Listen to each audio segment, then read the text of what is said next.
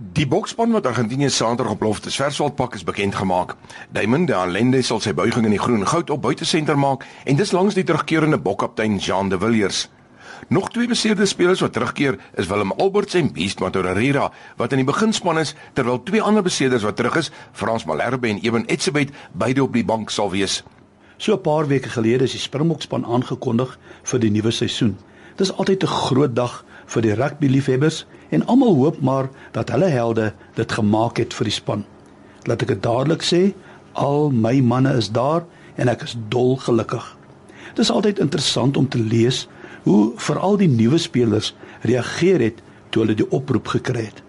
Ek het nog nooit gelees van een van hulle wat sê: "Wel, Heineke, ek is so bietjie besig op die oomblik, dat ek bietjie my dagboek nagaan. Gee my jou e-posadres dan laat weet ek jou." Of Jong, ek gaan eers daaroor bid en ek sê jou laat weet sodra ek 'n antwoord gekry het. Nog nooit gesien nie. Daai man sê dadelik ja.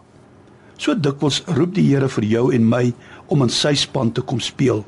Dis die een span wat ons verseker weet gaan wen. Maar is nogal interessant om al die verskonings te hoor om te sien hoe huiwerig mense kan wees om sy uitnodiging te aanvaar. Miskien het die kerk dit te ingewikkeld gemaak om Jesus te volg. Te veel reëls en regulasies en voorskrifte. Ons sien in die Bybel toe Jesus sy disippels geroep het, het hy net gesê: "Volg my." Dis al.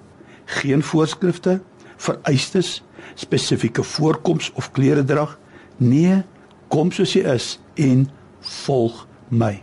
Natuurlik as jy hom volg, sal hy jou help om te verander.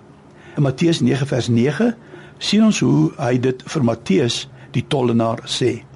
Nou ons weet dat hulle was oneerlik en korrup en die mense het hulle verafskuw en gehaat daarvoor.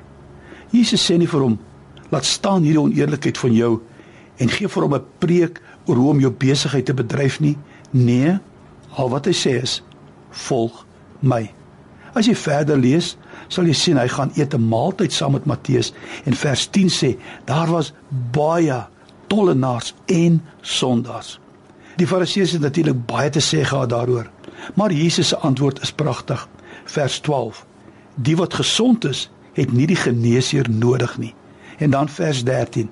Ek het nie gekom om regverdiges te roep nie, maar sondaars tot bekering.